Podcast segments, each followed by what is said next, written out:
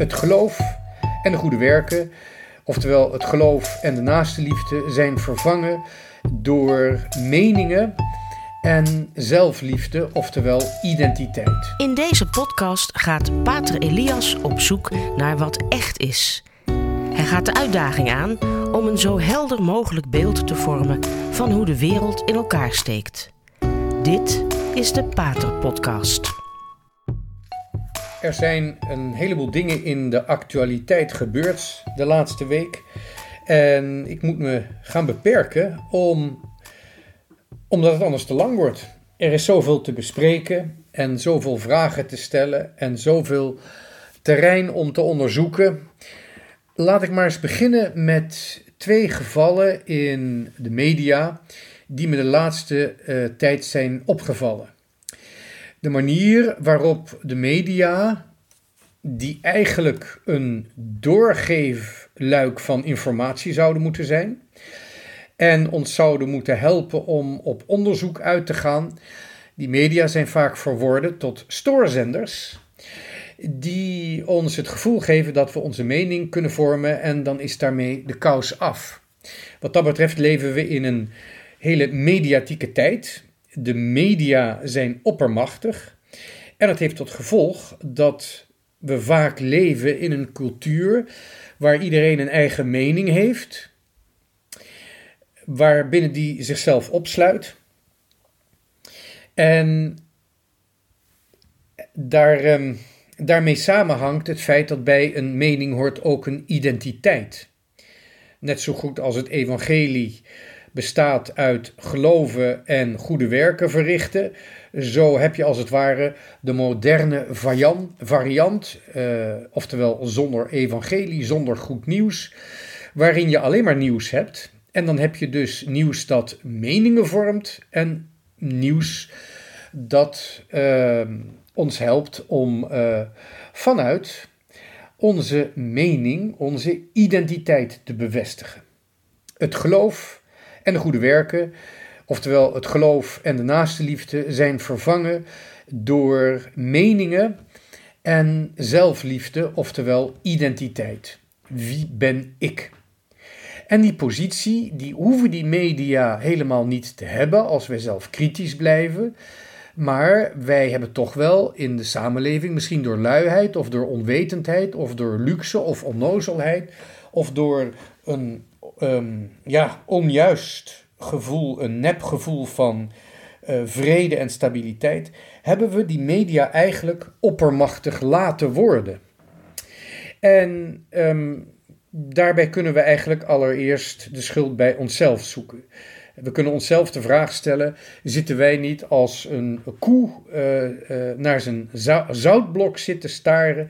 Zitten wij zo niet iedere avond naar de televisie te kijken? Hoe dan ook, eh, twee gevallen de laatste tijd in de media zijn me opgevallen en die hebben allebei betrekking op de paus. En daarbij werd uh, het nieuws rond de paus ontzettend vertekend. Uh, en er zijn twee gevallen die ik eruit wil lichten. Uh, aan de ene kant onze eigen Nederlandse publieke omroep, de NPO waarin een klein team van mensen die uiteraard een mening hadden en geacht werden onze mening te beïnvloeden, die gaven commentaar op een uitspraak van de paus. Naar aanleiding van een interview is namelijk aan de paus gevraagd uh, over homoseksualiteit. En inderdaad, ik heb het antwoord van de paus gezien. Het had duidelijker gekund, maar de paus maakt duidelijk het onderscheid eh, duidelijk genoeg, althans het onderscheid tussen criminaliteit en zonde. En zo herhaalt hij nog eens dat uh, hij vindt dat homoseksualiteit niet als criminaliteit moet worden gezien, maar wel als zonde. En daarbij wijt hij dat ook verder uit. Door te zeggen, heel normaal en eigenlijk heel algemeen en makkelijk ook, door te zeggen uh, dat alleen seksualiteit, seksuele daden, seksuele intimiteit binnen het huwelijk tussen man en vrouw past. En ik meen ook dat hij daar min of meer aan heeft toegevoegd. Het is voor het gezin, voor een gezin te stichten. Het gaat om het leven door te geven. dat is ook gewoon, de katholieke kerk leert dat en dat zegt de kerk ook, dat bevestig ik gewoon. Het is wel jammer dat in dat antwoord van de paus geen onderscheid is gemaakt door de paus tussen gevoelens en daden. Dat had hij wel mogen doen. Dus de gevoelens zijn geen zonde. Uh, en zeker geen uh, criminaliteit. Uh, het heeft altijd bestaan. Het heeft altijd ook een plaats gekregen in de wereld.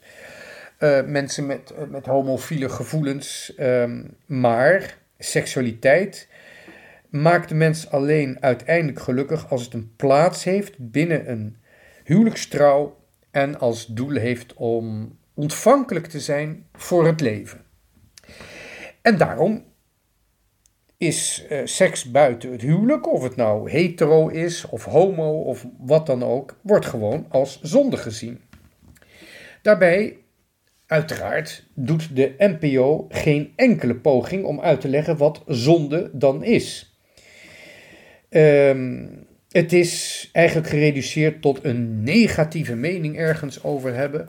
Als je iets zondig vindt, dan heb je een negatieve mening. Je keurt het af.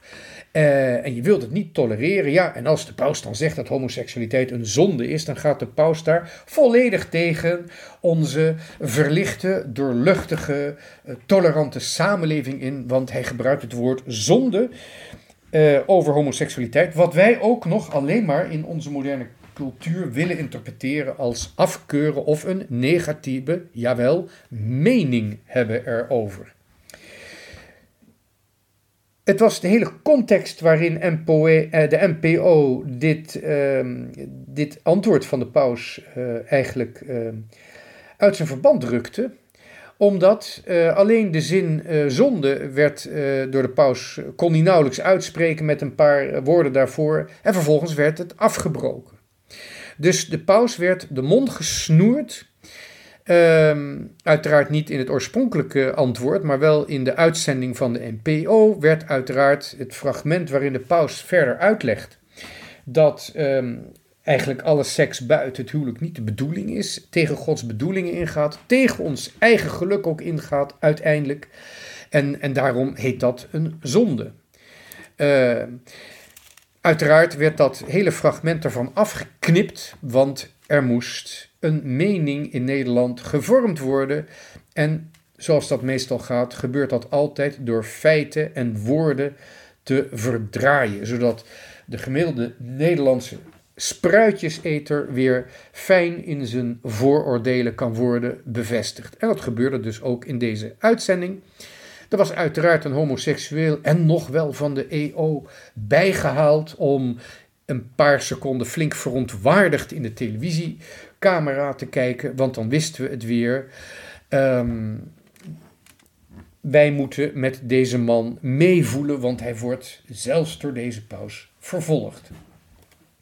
De manier waarop het nieuws gemaakt wordt, is op zich niet zo verbazingwekkend. Wat hier gebeurt, het verknippen van de waarheid, het framen, zoals we altijd hebben, zoals dat uh, heet, het, het, helemaal in een bepaalde context plaatsen, zodat de conclusie duidelijk is van tevoren, zonder vragen te stellen, zonder uit te leggen wat met zonde uh, bedoeld wordt.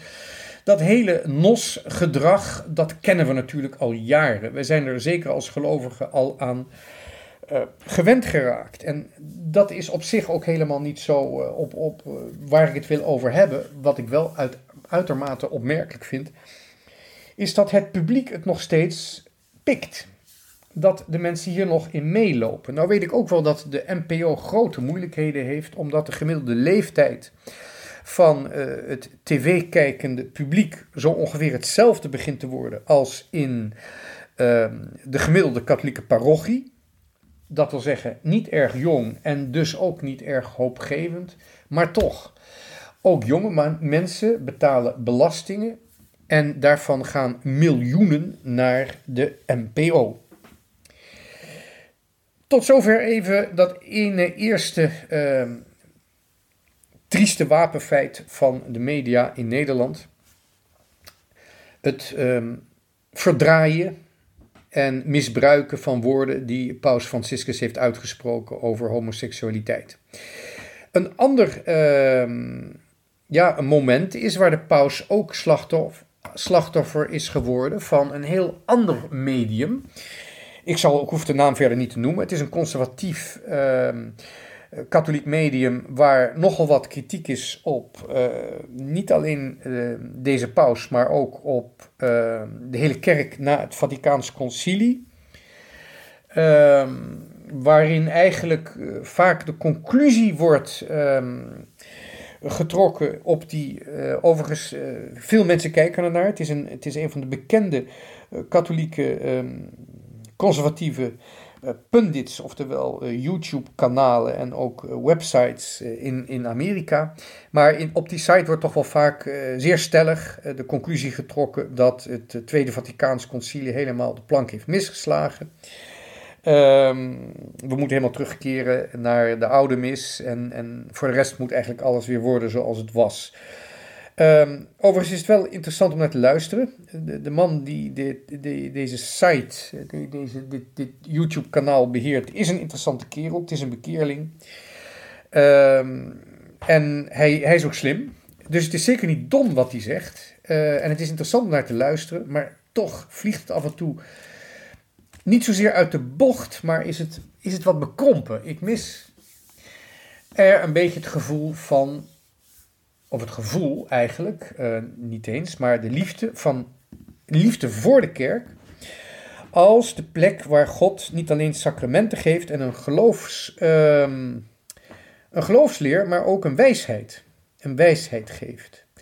En deze um, conservatieve site, daarin werd uh, de paus uh, beschuldigd dat hij de oude wet, dat wil zeggen de tien geboden en de natuurwet, uh, eigenlijk zou ontkrachten. Um, en dat, uh, ik heb daar eens naar gekeken, klopt dat? Klopt dat? Hè? De paus heeft inderdaad in een, in een passage gezegd dat de tien geboden en zo, dat is niet iets dat absoluut is. Maar dat wil helemaal niet zeggen dat de paus heeft gezegd dat je het moet relativeren. En eigenlijk de woorden van de paus, ook al zijn ze niet zo uitgebreid, ze zijn misschien wat kort, maar toch is heel duidelijk wat de paus doet.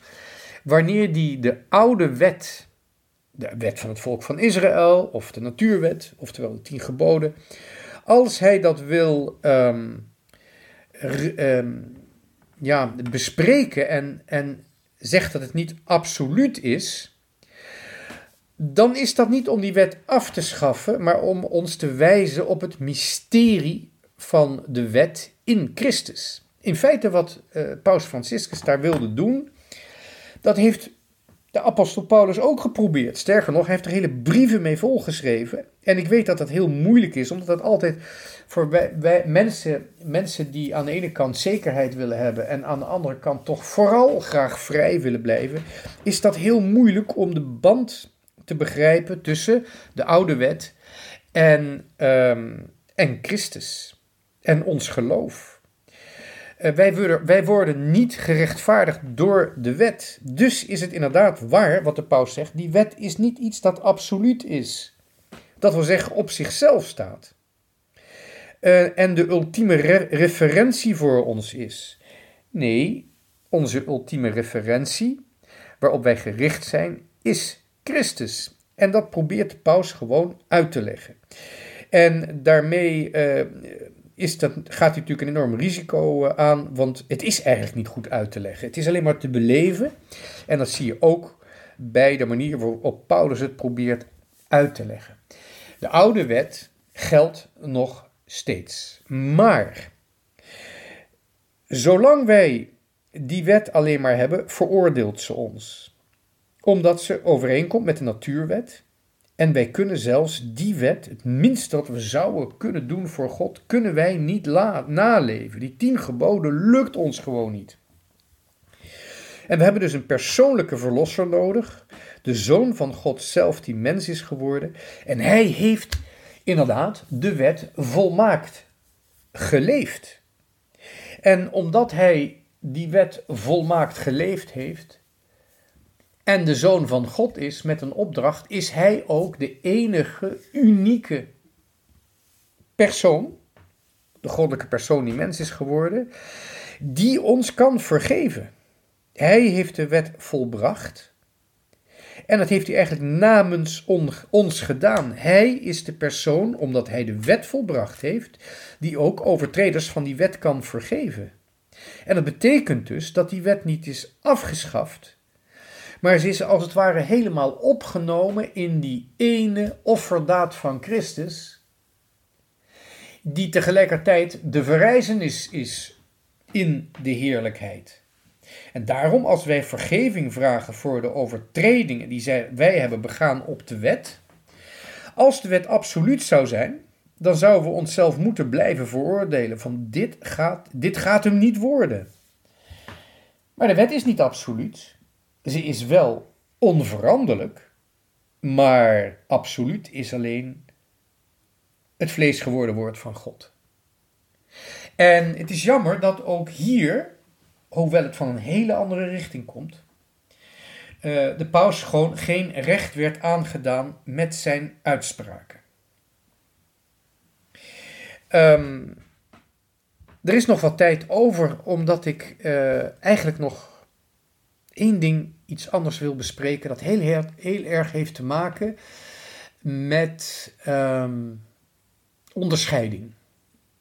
Het woord wordt heel veel gebruikt en um, zowel door de paus als uiteraard ook de Jezuïeten en ook door andere uh, mensen in, in, in de zielzorg onderscheiding. En uh, daar wil ik nog even over terugkomen, want vaak worden ook, uh, is er veel verwarring. Ook in mensen die naar de paus luisteren, uh, is er een verwarring die de paus niet zelf veroorzaakt, maar die meer ligt bij degene die luisteren en de woorden uh, interpreteren. Ik wou dus nog even terugkomen op het begrip onderscheid. Want er zijn eigenlijk twee soorten onderscheid die vaak door elkaar worden gehaald. En daardoor ontstaat verwarring. En daardoor worden ook vaak uitspraken of zinnen worden uh, oftewel verkeerd geïnterpreteerd, ofwel men weet eigenlijk niet hoe je er vragen over moet stellen om meer duidelijkheid te krijgen. Wat is er namelijk aan de hand? We hebben eigenlijk twee soorten onderscheid. Het eerste onderscheid is um, het onderscheid van ons geweten. Het onderscheid tussen goed en kwaad. Het betekent namelijk dat we uh, af en toe moeten nagaan: wat heb ik slecht gedaan, wat heb ik goed gedaan. Um, ja, je mag best ook wel eens beslissen dat je iets goed hebt gedaan. Je mag vreugde uh, beleven over het feit dat iets gelukt is. Of dat je aan iemand duidelijk hebt kunnen maken dat je van hem houdt. Of dat je uh, op een andere manier je, liefde of je naastliefde hebt kunnen laten blijken. Of het goed hebt gedaan. En je daarvan bewust bent. Dat mag ook. Dus het geweten beoordeelt onze daden. Zowel de goede als de slechte daden. Helaas. Daar zijn we ook toe in staat. Maar er is dus door ons geweten maakt een onderscheid tussen het goede en het kwade. En het is nou eenmaal zo dat je bij bepaalde uh, zonden moet je onderscheid maken uh, tussen wat er e-, echt gebeurd is, wat je intentie was en wat eventuele randvoorwaarden zijn. He, er zijn altijd omstandigheden bij die daden die uh, de schuld kunnen vermeerderen, maar ook verminderen dat, er zijn altijd wat je noemt, in, in, in justitie noemt dat dan verzachtende omstandigheden. je, je, hebt, je hebt brood gestolen, ja, maar je had wel heel erg honger. Uh, bijvoorbeeld. um, er zijn altijd verzachtende omstandigheden. Er is wat je gedaan hebt en er is ook de intentie waarmee je iets gedaan hebt. Stel nou voor, je hebt helemaal geen honger, maar de buurvrouw heeft het wel. Dus je gaat voor haar een brood stelen. Nou, dat is toch ook weer een verzachtende omstandigheid. En zo heb je toch een zekere tijd nodig, heb, uh, heb je een tijd nodig om je geweten te vormen, maar ook om te beslissen of iets goed of slecht is. Daar is een, onderscheid in nodig. En ook al hebben we daar opvoeding en vorming voor nodig, het is toch de natuurwet. We hebben dat van nature. En zo kun je bijvoorbeeld onderscheiden dat echtscheiding altijd slecht is. Uh, dat wil zeggen, uh, echtscheiding uh, waarbij je uh, met een ander trouwt, ja, dan, dan klopt er iets niet. Dat ja-woord, dat is in het verleden uitgesproken en dat kun je nooit veranderen. Er kunnen natuurlijk wel omstandigheden zijn waardoor je niet goed wist waar je aan begon, of de andere persoon ehm, ja, is gek geworden, of bleek hele foute intenties te hebben. Je kunt ook als mensen uit elkaar groeien, waardoor ja, dat kan komen door persoonlijkheden, dat kan komen door allerlei andere omstandigheden. Het kan ook beter zijn om van tafel en bed te scheiden. En er zijn allemaal verzachtende omstandigheden. Maar een, een jaarwoord blijft een jaarwoord. En als je dat verbreekt, ja, dat, dat kan je niet goed praten. Ehm, dus er is onderscheid nodig in morele zaken, maar dat kunnen we met ons natuurlijk verstand. Een ander onderscheid en dan kom ik meer in de, in de ja, wat ze noemen de core business van de Jezuïeten, oftewel de spiritualiteit van de Jezuïeten. Dat is het onderscheid om Gods wil te onderscheiden. En dat is helemaal niet het verschil tussen goed en kwaad. Dat is helemaal niet het verschil tussen of je wel of niet naar de communie kunt gaan. Ja, de, de, het wel of niet naar de communie gaan is gebaseerd op de natuurwet. Als je in staat van zonde bent die eerst moeten worden gebiecht of er iets gerepareerd moet worden, ja, dan kun je niet deelnemen aan de sacrament, sacramenten. Ja, dat is dus eh, een beetje zwart of wit. Althans, in het gebied waar de natuurwet zwart op wit is. Zwart, uh, zwart-wit is. Bij het onderscheid op een Ignatiaanse manier gaat het om iets heel anders. Daar gaat het om een onderscheid te maken tussen wat goed is, maar wel menselijk, en wat goed is, en niet alleen menselijk, maar ook goddelijk. als je de, de wil van God zoekt bij een Ignatiaanse uh, retraite, bij oefeningen, um, dan ga je alle, niet allereerst kijken van wat er fout zit. Hè? Voordat je, je gaat natuurlijk ook wel biechten tijdens zo'n Ignatiaanse uh, retraite. Maar dat doe je eigenlijk om de allereerste vrijheid te veroveren, om helemaal voor God te gaan staan. En dan ga je zowel met je goede intenties voor God staan, als met de wil om Gods wil te doen. En zo kun je erachter komen, na die oefeningen, na gebed, na stilte, naar raadgeving, kun je erachter komen wat God het aller, allerdiepste in je hart heeft gelegd. Ga je uh, het ene ideaal wat je had, ga je dat opzij doen om het andere ideaal, wat toch dieper blijkt te zitten, om dat te volgen. En zo kun je tot onderscheid komen of je bijvoorbeeld een uh, kloosterroeping hebt of een huwelijk. En als het een kloosterroeping is, wat ga je dan doen? Ga je in een contemplatief klooster, uh, een klooster waar bier wordt gebrouwen, of, of, of ga je studeren, of weet ik wat. Maar dat zijn allemaal. De, de Ignatiaanse retraite is om sneller in de richting en duidelijker in de richting van God te gaan en je leven meer, gerichte, eh, meer te richten op God, om gerichter te leven. Terwijl het andere onderscheid tussen goed en kwaad is echt het onderscheid van de bekering. Nou, dat onderscheid moest even gemaakt worden, want ik hoor vaak uh, door, door, door velen het hebben, ja, dat, dat kun je niet zo zeggen, uh, dat onderscheid moet je maken. er is dus een enorm groot verschil tussen het onderscheiden van het geweten, waarin zowel de intentie als uh, de, de daad zelf als de ehm, omstandigheden uh, een rol spelen, hè, dan ga je dus de schuld uh, ga je, uh, bekijken die iemand heeft. Maar ook natuurlijk de verdiensten die iemand heeft. Hè. Als jij een, een, een kind uit een brandende auto haalt uh, met risico voor je eigen leven, dan heb je natuurlijk veel meer verdiensten dan als je gewoon het katje van de vensterbank haalt omdat de verwarming te hoog staat. Het risico voor jou is, is, is kleiner, uh, dus de omstandigheden zijn veel uh, gemakkelijker. Uh, het, een, een, kind is natuurlijk toch wel meer waard dan een katje, laten we even wel zijn. En het risico van je branden aan een verwarming is toch ook kleiner dan gewond te worden bij een uitslaande brand. Hè? Dus ehm, dat onderscheid in, in het gebied van het goede en het kwade, dat maak je uh, zowel voor de verdiensten als voor de schuld. Zowel voor de beloning en de eer die je toekomt, als voor de straf die je moet ondergaan of wat je moet doen om het te repareren. Maar dat is dus het onderscheid op het natuurlijke gebied, op het gebied van het geweten.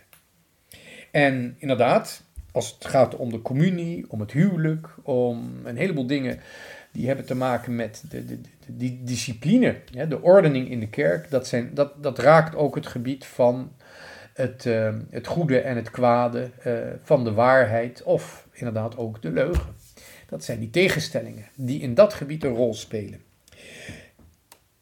Als je gaat naar een Ignatiaanse retraite, en dat is echt een enorme uh, belangrijke plaats in de kerk die dat heeft, dan ga je dus niet zozeer het, het, het, het kaf van het koren scheiden, of uh, het goede van het kwade scheiden, maar je gaat eigenlijk je eigen uh, goede kant, daar ga je in proberen te graven om te ontwaren wat uh, het diepst in jouw goede kant zit. Wat God werkelijk wil. Kijk, we zijn natuurlijk allemaal beperkt. We hebben allemaal een beperkt leven. Niemand van ons is eeuwig en niemand van ons kan alle dingen in het leven doen die hij zou willen doen. Dat is ook helemaal niet de bedoeling. God wil niet dat wij alles doen. Maar God, wel, God wil wel dat wij een beeld worden van de eeuwige, allerheiligste drie-eenheid. Door in de beperkte tijd die we hebben en op de beperkte plek die we hebben in deze wereld, om de liefde te laten groeien voor God, voor de medemens, en voor onszelf. De liefde van God is net zo drie-één als de essentie, het wezen van God. Wat God is, is net zo drie-één als de manier waarop God lief heeft en die liefde ook vorm laat krijgen in ons leven.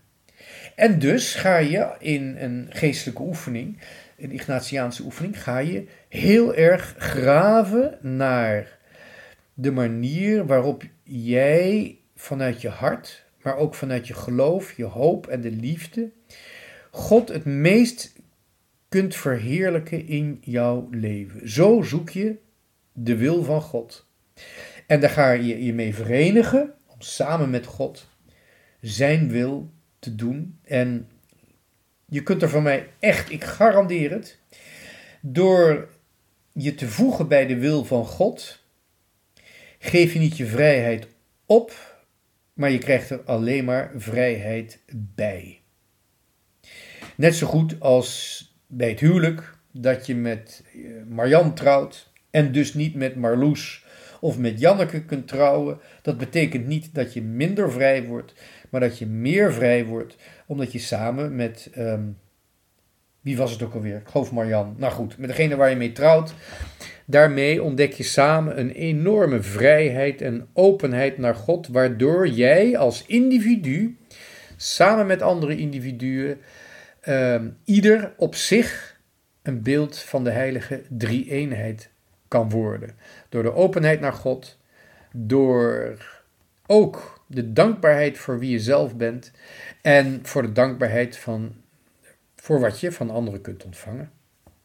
Nou, tot zover deze keer. Ehm, bedankt voor het luisteren. Tot de volgende keer.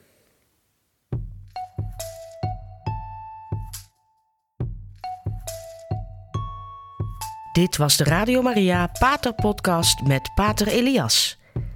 Deze podcast is online terug te luisteren via de website van Radio Maria en andere podcastplatforms.